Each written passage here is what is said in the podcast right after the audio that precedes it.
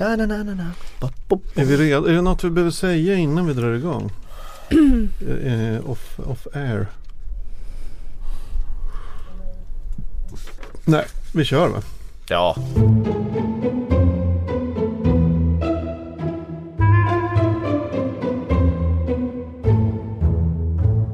Hej och välkomna till Tronspelet!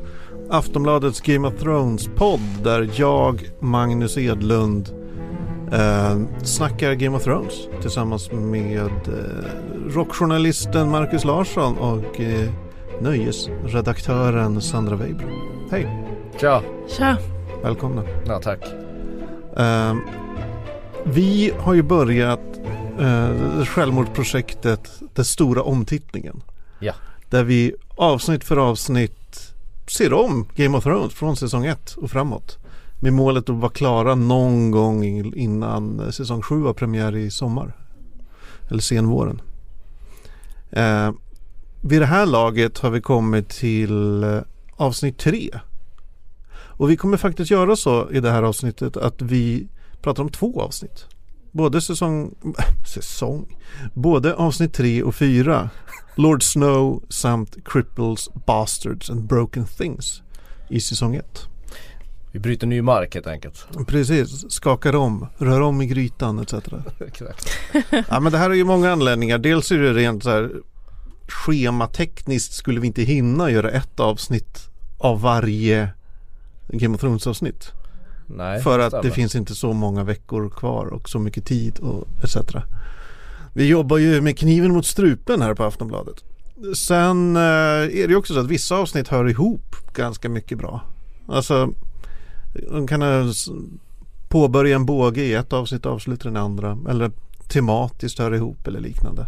De här två avsnitten är ju så lika så jag har även om jag har kollat dem flera gånger så har jag svårt att dra isär dem. Ja. Jag kommer behöva er hjälp här för att nysta ut vad som händer i varsitt avsnitt. Och det tror jag inte jag är ensam om.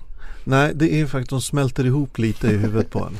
Man kan säga att det är rätt många karaktärer som presenteras här. Verkligen. Men innan vi går in på det så tänkte jag bara säga att eh, man kan höra av sig till oss och kommentera och älska oss eller hata oss eller mansplaina oss eller vad fan man känner för. Man kan till exempel hashtagga i sociala medier på tronspelet så kommer vi se det förr eller senare. Man kan även ringa vår jourtelefon som är en helt eh, sinnessjuk grej. Alltså ni ungdomar kanske inte riktigt vet att telefoner även har en ringfunktion. eh, och inte bara Snapchat och sånt där. Eh, men man kan ringa telefonnummer 08 725 23 57 och eh, prata in sitt meddelande. Kanske vill man dela med sig av en teori, någon galenskap, eh, något man tänkt på. Eller bara spy ut sitt hat mot till exempel Marcus Larsson. Så kan det gå. Eh, man kan även mejla oss på tronspelet.aftonbladet.se och det har eh, Daniel gjort sen eh, vi spelade in senast. Kul att ni är tillbaka, skriver han. Mm, tack, tack. Jag vet inte om det bara är jag som är trög, men jag får inte riktigt ihop det, det jag får inte riktigt ihop prologen i första avsnittet. Han syftar då alltså på White Walkers Nightwatch grejer och sådär. Mm. Eh, Nightwatch letar efter sina kompisar på norra sidan av muren. Hur hamnar killen med spruckna läppar sedan utanför Winterfell? Det är då den som överlevde? Eh, och rymde. Då måste han ju tagit sig över muren eller runt eller genom någon av posterna som finns i muren. Eller finns det redan White Walkers söder om muren? Ja Magnus. vad säger du? Nej, det finns ju inga White Walkers söder om muren. Det går ju inte. De är ju uppenbart långt norrut.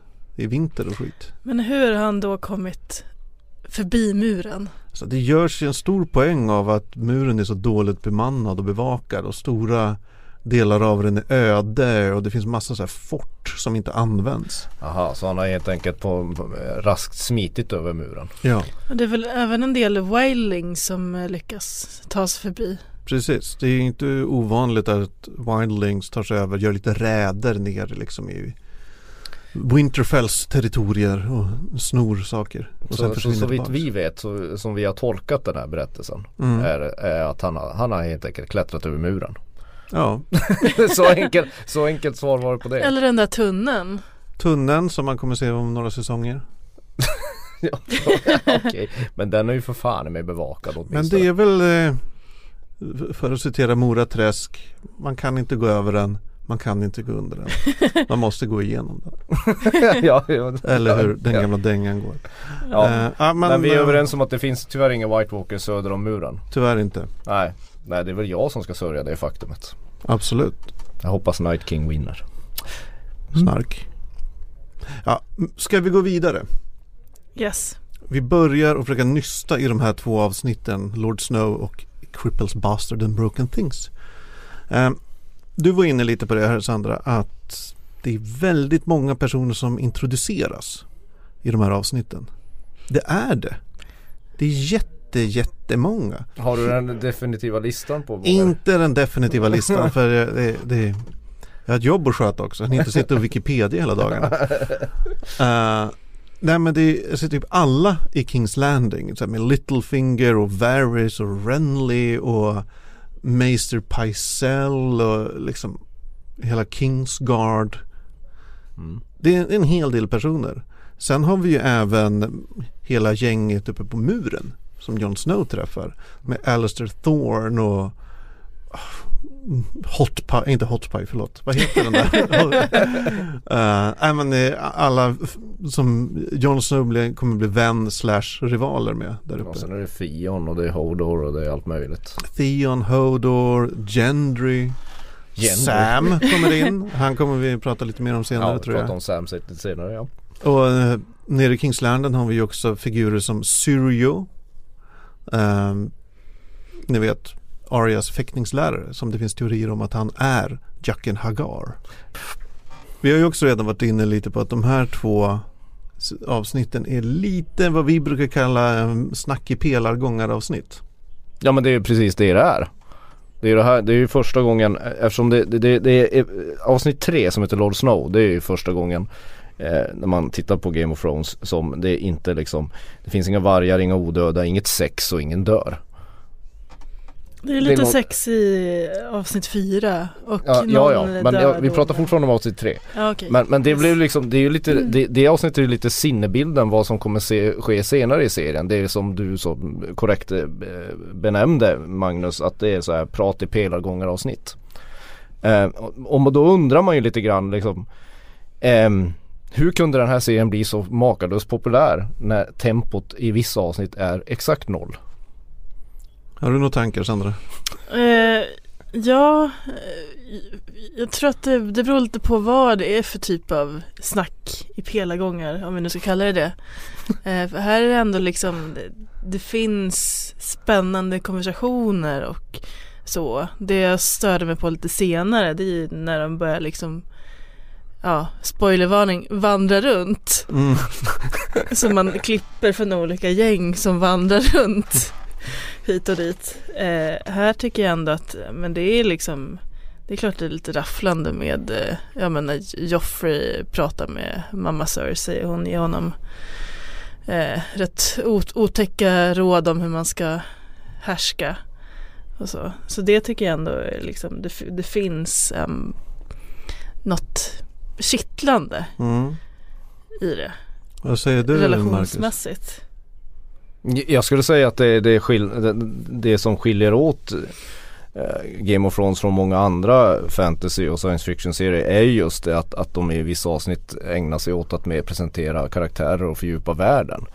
Alltså det, redan här börjar man ju fatta det. Nu när man ser om serien så börjar man förstå hur oerhört omfattande det är. Vilket, vilket problem manusförfattarna måste haft hur, och, och göra en fungerande, ett fungerande tv-avsnitt med detta fullständiga myller av, av karaktärer. Alltså det är ju typ 20 pers som, som, som bara svischar förbi. Mm. Och som man inser att alla kommer, man, man behöver kunna hålla reda på allihopa. Men tillräckligt många är ju intressanta ändå för att man ska vilja stanna kvar känner jag. Ja men typ mm, Varys är ju väldigt spännande, Littlefinger, liksom de är spännande karaktärer. Mm. Och sen också, ja men Arya och hennes liksom hur olik hon är, systern Sans. Alltså det finns många sådana liksom eh, figurer, rollfigurer som Mm. ändå har liksom väcker någon slags intresse. Men man kan väl säga de som ser den här serien för första gången ska nog vara lite, jag tycker man ska vara lite, man ska, man ska vårda sina prat i pelargångar avsnitt.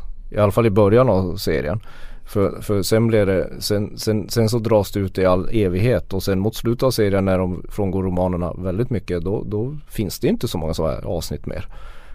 Eller håller ni med? ja. Alltså det, det, det, det tunnas ju ut. De, Ja. här, de, här, de här hotfulla avsnitten när folk bara sitter och, och smackar med läpparna och intrigerar. Och, Jag håller med. I, I de här två avsnitten, ja, det är mycket folk som står i olika lokaler och pratar.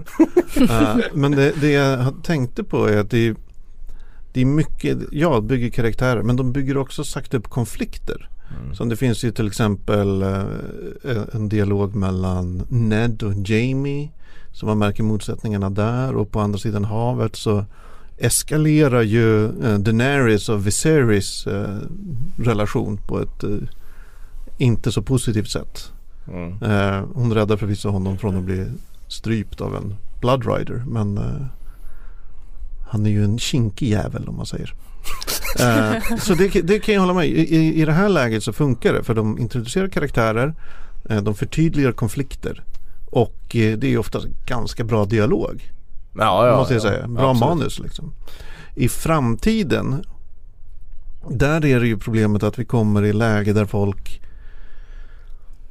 där det är mest så här infodumps för tittarna. Alltså det, ibland kan det vara så här, det finns ingen riktig anledning att de här två skulle sitta och snacka om det här just nu. Men det finns information i det de säger som vi som sitter framför tvn måste ha för att kunna hänga med. Mm. Om ni förstår vad jag menar. Absolut. Så här bakgrundsinfo liksom som målas upp. Men när det börjar bli lite för komplicerat. Ja, när det är för många hus och för många.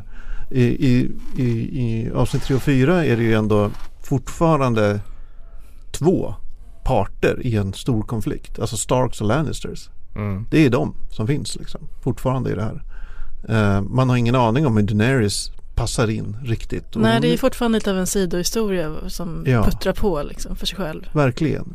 Och hon är ju liksom, man vet att hon kommer ha anspråk på tronen men det känns så här väldigt långt framåt. Vilket det visar sig vara också. Det är väldigt, väldigt, väldigt långt framåt. Ja, Nej men det är också fint, det, det är en annan sak bara om eh, en detalj som, som man lätt glömmer som vi var inne på i förra avsnittet. Det är ju det här relationen Tyrion Lannister och Jon Snow. mm. Den, den blir ju deras så kallade bromance blir ju väldigt eh, den, blir ännu mer accentuerad i, i, i avsnitt 3 och 4 eftersom Tyrion nästan undervisar Jon Snow där uppe på, i Castle Black Mm. hur han ska bete sig mot de andra stråtrövarna och, eller det pack som, som ju som är The Night Watch. Precis. Och det kan ju kan man, det kan vara värt om man ser det första gången att, att, att hålla kvar i minnet för att det kan det ger någonting senare. Ja, Tyrion är mycket i fokus i de här avsnitten. Han är dels uppe på muren, sen tillbaka till Winterfell.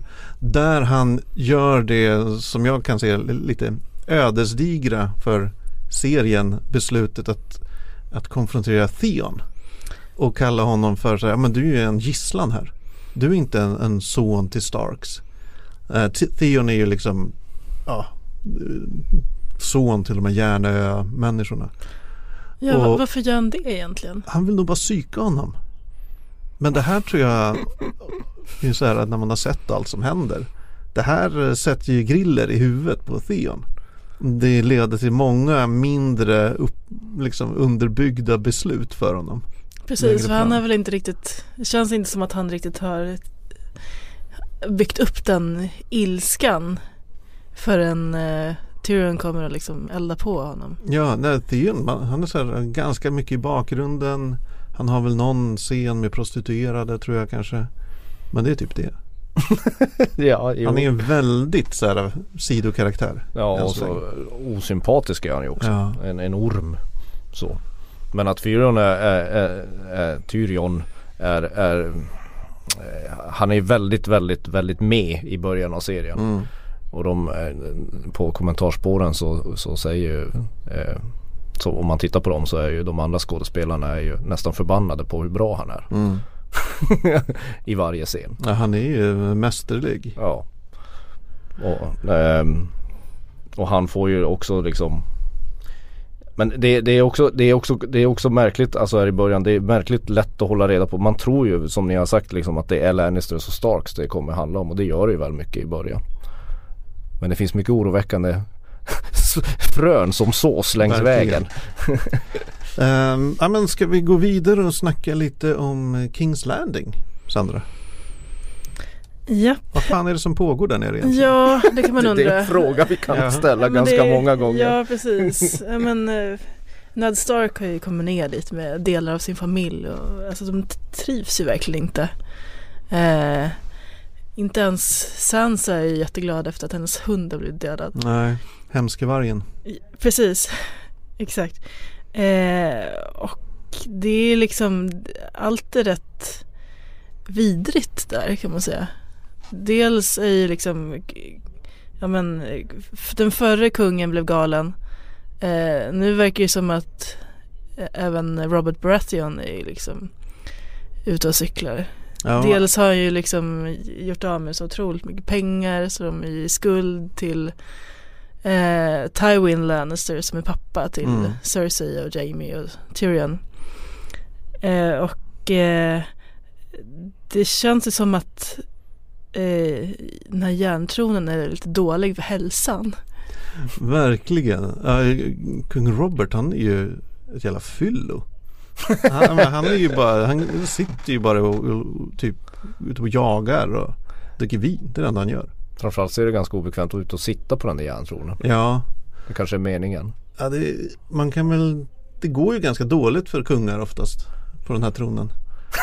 Det finns ju, jag vet inte om det framkommer i, eh, eh, i, i filmen eller i tv-serien. Men i böckerna är det ju att kungar, de, de blir liksom skurna av tronen mest hela tiden. För den är gjord av svärd. Och då är tanken ju, att eh, ju mer, ju sämre kung man är desto mer skuren blir man av den där tronen. Ja, Eh, och det fanns, om jag minns rätt, typ någon som dog när de satte sig på den. Så, för att den var ett svärd i vägen. eh, källa, mitt minne. som vi vet är, inte är så bra.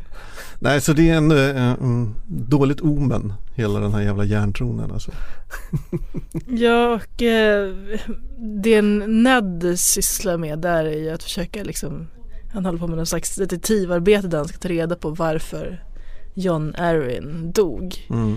Eh, och det får han ju reda på ganska snart mer eller mindre. Dels för att han eh, han får olika ledtrådar. Dels att John Arryns sista ord var Säden är stark. Ja. Vilket är rätt- rätt hårt eh, sista men vad syftar det på? Säden är stark. Ja men det syftar ju på då att eh, Att det finns avkommor Exakt kvar i världen Och som att- kan göra anspråk på tronen. Precis och att eh, eh, Baratheons liksom ätten att de har mörkt hår. Precis, de har alltid mörkt hår. Och då ser man ju på Cerseis barn att de är blonda som så här lintottar. Mm. Eh, så det är dels det och sen han hittar den här gender i smedjan. Hunken, mycket hunkigt fram, framställd är han ju. Ja, Lite sådär som en liten Inoljad och- inoljad sexuell fantasi står han där och bankar på olika järn. Ja, ja. Men det är ju väldigt mycket så här, mysteriet tätnar över hela det här eh, John Arryn detektivarbetet. ja precis. Sen kan man säga att det, det båda är ju lite illa för att man det står ju klart rätt tidigt att de här Starks är ju rätt dåliga på att spela spelet som de brukar säga i Paradise Hotel. Mhm. Eh, för det är ju, alltså när De är, de är mer på spåret än Paradise Hotel Starks kan man säga. Ja exakt. Ja, Ja, men när, när Caitlyn kommer in där och ska smyga in i stan liksom helt hemligt. Så då har ju både liksom, både Littlefinger eller Varys har ju full koll liksom. Mm. För de har ju spioner på varsitt håll. Och där introduceras vi till eh, Varys små fåglar Just det. eh, redan då. Och, Och det Littlefingers bordell. Som Ja kommer vara ett precis. frekvent återkommande backdrop. precis. Så det är också liksom, där presenteras också lite grann av den här världen. ja. Nej, men det är ver verkligen slående hur dåliga Starks är på politik. Mm. Eh, Ja, det här har irriterat dig i många säsonger av den här podden. Ja men det är ju, nej, men det är ju det, de är, i varje fall Ned är så förblindad av liksom så här, heder och lojalitet och göra rätt och sådär. Mm. Så det- han är ju bara en sittande, han är bara måltavla. Han, Ja men det är ju redan i pratet där han har med Jamie Lannister i tronsalen. När, när Jamie ändå försöker försvara att han dödade den där galne kungen. Hey, I'm Ryan Reynolds. Recently, I asked Mint Mobile's legal team if big wireless companies are allowed to raise prices due to inflation. They said yes. And then when I asked if raising prices technically violates those onerous two year contracts, they said, What the f are you talking about, you insane Hollywood ass? F- So to recap, we're cutting the price of Mint Unlimited from $30 a month to just $15 a month. Give it a try at mintmobile.com slash switch. $45 upfront for three months plus taxes and fees. Promo rate for new customers for limited time. Unlimited more than 40 gigabytes per month. Slows. Full terms at mintmobile.com. mm. Genom att ja, men han, liksom, han mördade ju din pappa och din brorsa och ändå kan liksom inte Mm. eh, Ned tycka att det är liksom Det var okej att Nej. hugga, hugga svärdet i ryggen på den galne kungen. Nej så En det är ju, ed är en ed. Ja han är ju väldigt fyrkantig där kan man säga. Har du lovat något då har du lovat något. Det, Mm. det finns ingen, ingen prutmån liksom. Nej det är väldigt, väldigt stelt liksom. Ja. Och det går ju också igen sen, så vi kanske kommer fram, kommer komma fram till lite tidigare vad Caitlyn gör sen på The Inn. Just det. Mm. Det är precis slutscenen, cliffhangern i avsnitt fyra. Exakt. Eh, men eh, innan vi tar den så kanske vi kan snacka lite om Sam som introduceras Ja, i eh, också avsnitt fyra. Eh, du hade lite tankar om det Marcus? Jag vet inte om de är så djuplodande tankar direkt det jag har om Sam. Men, men när Sam kommer in i serien så får ju Game of Thrones sitt motsvarighet till Frodo och Sam i Sagan om ringen. Alltså Sam är Sam och eh, Frodo är då form av Jon Snow. Ehm, men, men det är, det är ju ganska, det är ganska väntat att, att den, är den här klumpiga Sam som ju inte alls är eh, kapabel till att eh, typ slå ihjäl. Vad kan han slå ihjäl? Inte ens en råtta. En fluga kanske. Han kan ramla på en fluga och Han är, han är jättebra på att ramla på näsan helt enkelt. Och här, och, och här så etablerar de ju det som kommer bli liksom Jon, Jon Snows förbannelse. Det vill säga han bryr sig någonstans om de svaga. Han tar ju, han tar ju Sam under sina vingar på något sätt för att skydda honom från den här, den här råa eh, miljön, penalistiska macho-militära skitasen som finns där. Så att säga. Sant. Och det här är ju också liksom varför man tar upp det också. Det man ska komma ihåg när man, när man ser När man ser eh, Game of Thrones så är det ju lätt att bli Lite förblindad av att allt är väldigt hopplöst. Att det är bara de starka som vinner. Men man märker i, i, i serien om man lägger märke på detaljerna så är det ju verkligen eh, Personers öden eh, beseglas ju väldigt mycket hur de liksom eh, eh, behandlar det som fjärde avsnittet eh, heter, är döpt efter, det vill säga Cripples, Bastards och Broken Things. Det, är- det är ju ett citat av Tyrion Lannister. Mm. Att, att, att, att, att han som ju är, är, är dvärg har en väldigt stor förkärlek för, för de som är missanpassade och de som inte passar in i, i världen. Ehm, så därför är, är ju Sam, eh, även om man inte tror det från början, en väldigt stor nyckelfigur. Och framförallt hur Jon, Jon, Jon Snow, Jon Snow ser på honom. Han är ju verkligen en nyckelfigur där uppe vid, vid väggen, muren. Men när man ser honom första gången, hur länge trodde ni att han skulle överleva? Nej, alltså det kändes ju som, alltså du, du Magnus trodde, visste ju säkert men eh, jag trodde inte att han skulle liksom vara särskilt länge. Han känns som en typisk sån figur som brukar liksom, Som man ska ömma för. ja precis. och sen i nästa avsnitt så sitter hans huvud på en spik liksom, Mm. eller på en Mm. påle. Och att det ska föra liksom Jon Snows eh, liksom, karaktär vidare i någon riktning. Precis. Eh, så blir det ju inte. Nej. Eh, däremot är ju Sam essentiell för Johns karaktärsutveckling ändå. Eh, och överlevnad skulle jag säga. Mm. Om man ser eh, Sams agerande har ju många gånger räddat skinnet på John. Eh, sen är, det, är vi fortfarande the jury's out. Liksom vad fan Sam kommer göra i, vad, vad poängen med han är. Alltså vad hans, vad hans båge kommer sluta. Uh, men det, vi behöver inte föregå det, det här säsong 7. Uh, ja, ska vi ta det vi kallar pliktrapportering? Se om vi har något som vi inte redan avhandlat om de här två avsnitten. Såklart jättemycket men man ja, har ju begränsat det tid. Finns ju, det finns ju hur mycket som helst alltså, men um, Kör på. Ja, men vi bet, jag kan beta av det här lite snabbt så får ni säga, säga vad ni tycker. Uh, farbror Benjen, uh, Benjen Stark. Det här, vi ser han för sista gången på typ vad blir det? Nu tjuter. Fem år. Alltså, han, han dyker upp i säsong sex igen. Ja, nu, var det, nu, nu skulle du fått klämt i din sån här spoiler-haj här ja. kanske liksom. Men det är ju väldigt, det, det, var jag som skrev upp den här för att jag ville att du skulle reda ut det här. Är det, är det sista gången nu alltså? Han rider väl iväg? Han rider iväg. Um, sen, På ser ett man uppdrag. En, sen ser man den inte igen förrän för en 2016. Långt, långt, långt senare. Um, och det är ju Det är ju en liten specialitet för Game of Thrones. Ja, en sån här bifigur som man inte lägger märke till och sen så bara dyker den upp hundra år senare höll ja. jag på att säga. Men, men som du brukar säga. Fem år senare. Är, I tv-seriens tid. Det är ett märkligt sätt att, att Men vad tycker berätta. ni om det? Alltså jag gillar ju att Alltså på något sätt är det så här trevligt att serieskaparna har förtroende för sina tittares och deras uppmärksamhet och liksom sådär. Men sen är det väl ofta så att det inte spelar någon jävla roll liksom. Men det är också ett ganska stort självklart verktyg att, att lösa massa situationer också. Hmm, hur ska vi rädda de här som är i knipa? Ah, då går de bara tillbaka till sitt birollsgalleri här. Är det någon som har försvunnit? Är det den någon som har rott killen. iväg? ja men nu kan vi slänga in den. Ja. Ja, eh, jag vet inte riktigt om jag saknade Benjen sådär jättemycket. Han var ju rätt träig. Väldigt träig. Och det såg man ju särskilt, det kan inte vara så kul eh, med roll för han som spelar honom. när han har den där scenen mot Tyrion. Mm. När det är verkligen så här, han står där som en liten stel tråkgubbe medan Tyrion liksom, ja men du vet. Briljerar. Briljerar. Uh, ja.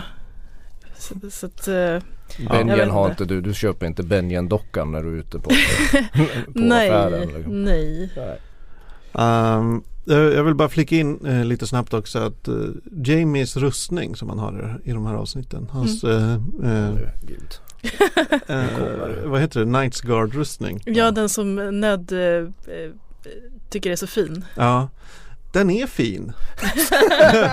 alltså den är så här vit och den har lite detaljer och grejer, utsyrad. Inte lika fin som vissa andra av hans rustningar framöver. Du borde gå i terapi. Jag skulle ge den sju, Du och dina rustningar alltså. Sju av tio städ skulle jag ge den. I betyg. Men det kommer bättre rustningar. Det gör det. Um, ja, vi, vi kan ju också nämna att Brand drömmer om treögda korpar. Och eh, eh, den här tjänstekvinnan berättar om White Walkers och the, the Endless Night eller vad det The Long Night. Det, man kan ju också säga att det är början på en väldigt lång båge att han drömmer om treögda korpar. Oh ja. Mm. Det ska man också lägga märke till. Sen det... den är, tror jag att eh, fjärde avsnittet är tillägnat hon som spelar Nan, Old Nan heter mm. hon väl? Ja, Old Nan ja. Hon dog. Gjorde hon? Innan det avsnittet han visas. Shit. Så, Rest in peace. Fjärde, fjärde avsnittet är tillägnad henne av den anledningen. Den, eller hon som naturligtvis spelar den rollen. Uh, innan vi blåser i spoilerhajen på riktigt så måste vi snacka lite om cliffhangers. Avsnitt fyra slutar ju med en dundrande cliffhanger i det här värdshuset där Caitlyn och uh, Tyrion träffas. träffas. Uh, vad gillar vi cliffhangers? Uh, Ja, alltså både och. Det kan ju vara, bli rätt trött om det används för mycket. Men här känns det ändå som att det ja men det funkar liksom. Man blir inte för irriterad. Det är liksom mer irriterande om det är så här, ja men spoilervarning. Eh, ja men det som händer Jon Snow där i slutet av säsong fem. Ja, cliffhanger som är mellan säsonger. Exakt, är- när man ska sitta och vänta ett år Ja. liksom, på vad var det som hände egentligen. Men varför blir ni så irriterade på det? Varför blir människor så irriterade på det? Jag blir aldrig irriterad på det. Därför att alltså det, är, tycker ni att det är slött det känns som slött ett sätt att- knep. Okej. Alltså Och- att det är för, för mycket av liksom bara ett eh, eh, Ja men, att, det- ja men att det är lite trött och lite liksom för uppenbart knep. Det är lite samma, på samma nivå i berättarteknik som eh, jump scares är i, i skräckfilmer. okej. Typ att det bara så här kommer fram något som man hoppar till i, i stolen. Men så är det inget mer med det. Det är liksom en så jävla basic knep, precis som du säger. Så ni gillar inte cliffhangers med andra ord i tv-serier? Är ni helt galna? Jag gillar cliffhangers, men jag kan också Vad ska vi med tv-serier till om det inte är cliffhangers Jag kan uppleva att eh, det ibland används för mycket och i Okej. Game of Thrones i synnerhet där det är nästan varje avsnitt slutar med cliffhanger. Eh, Det finns cliffhanger som löper över säsonger, som löper över flera säsonger, som löper över serien. Ja, alltså det är ja. så mycket som blir man väntar på att få en upplösning och cliffhangers är själva motsatsen till att något får en upplösning. Ja, det är liksom att dig. dra ut det ännu mer. Jag hör det, jag vet inte om jag håller med men jag hör det. Men den här cliffhangern i Episod 4 den är ju ganska sopig. Ja, Man inser ju, vad, vadå, vem, vem tror att, att, att Tyrion är illa ute på riktigt?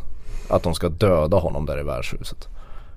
Det är Jag bara vet så här, inte. Det är bara, det är bara ett, ett, ett, en, en scen där han står omringad av dragna svärd. Och så vet Fast man, man tror jag- väl, tror man att han ska döda tror man inte att hon försöker gripa honom men ta honom till, ta honom till fånga. jo. Ja men det är väl en sopig cliffhanger.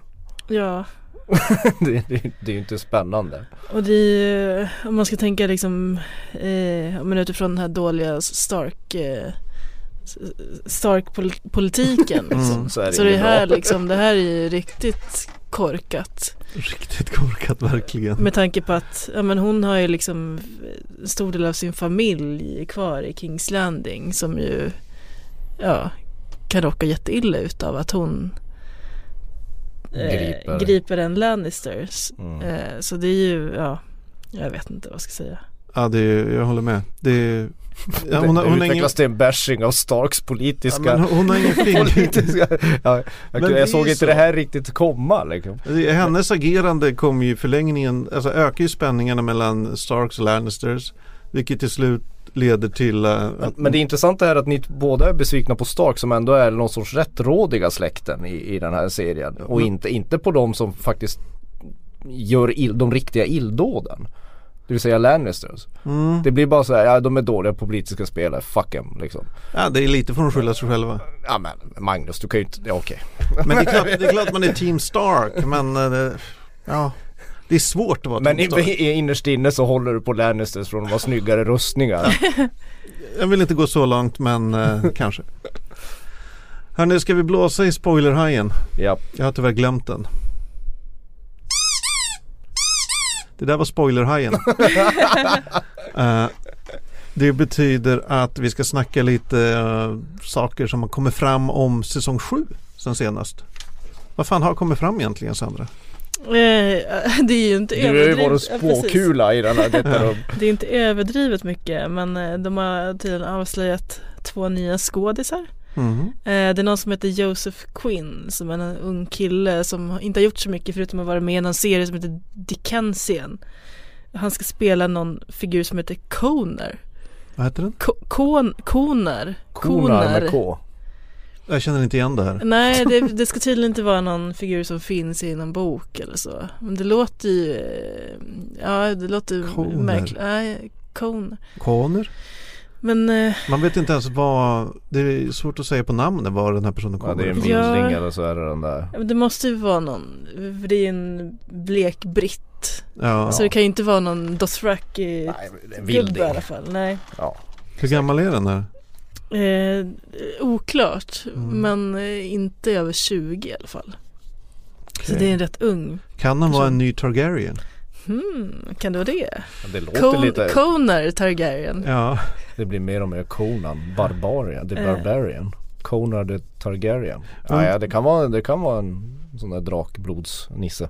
Vem är, det var någon till? Var? Ja, det är en, en snubbe som heter Paul War- Ward. Det är inte heller någon jättekänd person. Men han har haft några roller i Vikings och Penny Dreadful. Och de här båda har det är liksom deras agenter som har skrivit på deras liksom CV att de har varit med nu i Mm. att de är med i säsong sju så det är så folk har fått reda på det. Intressant. Eh, så det är liksom på det sättet är det ju bekräftat ändå men Men med tanke på att den här snubben varit med i Vikings kan man tänka sig att han kommer vara någon av Euron Greyjoys lakejer. det är låter- mycket möjligt. Låter ju troligt. Eh, Men Penny Dreadful. Då kan han lika gärna vara ett Kings Landing. Ja, Eller ett man, spöke. oklart. Jävligt oklart. det är Han är ett oklart. spöke. Konstig crossover. ja. Ehm, det finns lite bröllopsrykten också. Eh, Ja, nej. Ja, eller oklart om det blir någon bröllop men det sägs ju nu när, ja men det, det har funnits liksom spioner inne på eh, inspelningen. Va? såklart det har. Nej men de här fansen är ju galna liksom. Ja. De, eh, så enligt fansajter så har, eh, har de liksom snappat upp att en av grejerna som kommer hända i nästa säsong är att Euron Greyjoy, vår favorit, Mm. vår dansk favorit, att Mm. han kommer på något sätt teama upp med Cersei. Ja, såklart. Och det är väl rätt, en rätt rimlig utveckling ändå. Det låter som att det är väldigt möjligt. För Cersei är ju rätt ensam. Nu när hon har sp- sprängt upp allt. Och hon Ja. har en stor flotta på väg mot sig Mm. med Daenerys och Mm. folk. Jag visste att den Euron Greyjoy skulle sätta käppar i hjulet på hela skiten så man blir väldigt irriterad på honom. Superirriterad redan är jag faktiskt. Ja. Och det är ett Man- år kvar. det till- är ett år kvar på till att, till, till att bygga sin aggression mot honom. Jag tycker det låter som en logisk, logisk fanteori. Mm. Men varför ströks den? Hade vi inte här att, att eh, det här att hur hela serien slutar? Ja, det var också en av de där eh, som... Den blev ju jag väldigt lycklig av. Jag fick ju vara lycklig här. Det stod ju i manuset flera timmar innan Ja. vi kom hit. Absolut, men jag kan ta den också. Att, eh, Vad är det här kategori superrykte, teori, Ja. hittepå? ja, men... Jag tror ehm, Någon har skrivit på ett forum. Nej men det är väl de här, de, de har ju haft eh,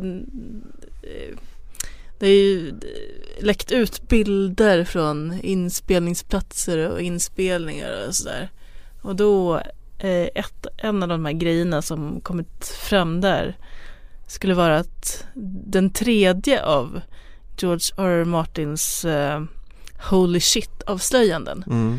för det, det var ju snack om att han hade liksom Han har inte skrivit klart serien. Men han hade ändå gett tre stycken Holy shit avslöjanden till eh, skaparna. Och att då ska ju ett ha varit eh, St- Stannis lilla brasa. Mm.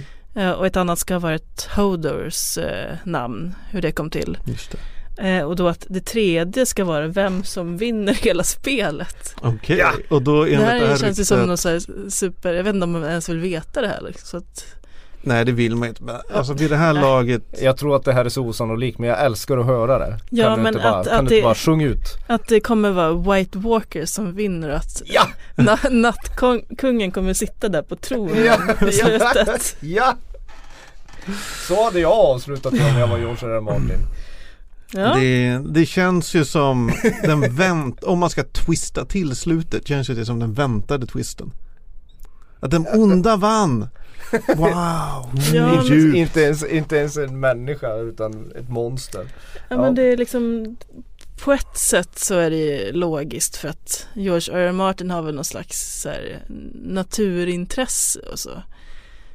Ja, Eh, Nej men alltså nu, nu låter det helt obegripligt här men alltså att eh, eh, medan människorna håller på att fightas mellan varandra så är den riktiga liksom kampen är liksom större, det är liksom det här eh, ja men klimathotet, alltså något sånt där och det liksom symboliseras av de här White Walkers ja just det.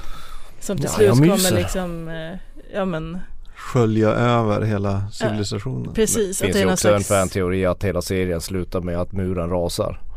Det som vi trodde skulle ske efter Att det säsong 6. slutar med det? Ja, Ah, det, det snackar vi cliffhanger. De står där och tittar och så rasar muren och så är allting slut. ja, lite som eh, Tre Kronor där som jag tagit upp tidigare tror jag just det. Vad var det? Bomben? Ja, hela, hela liksom stan exploderar. Det är slutet av Tre Kronor. Ja, Den gamla såpan.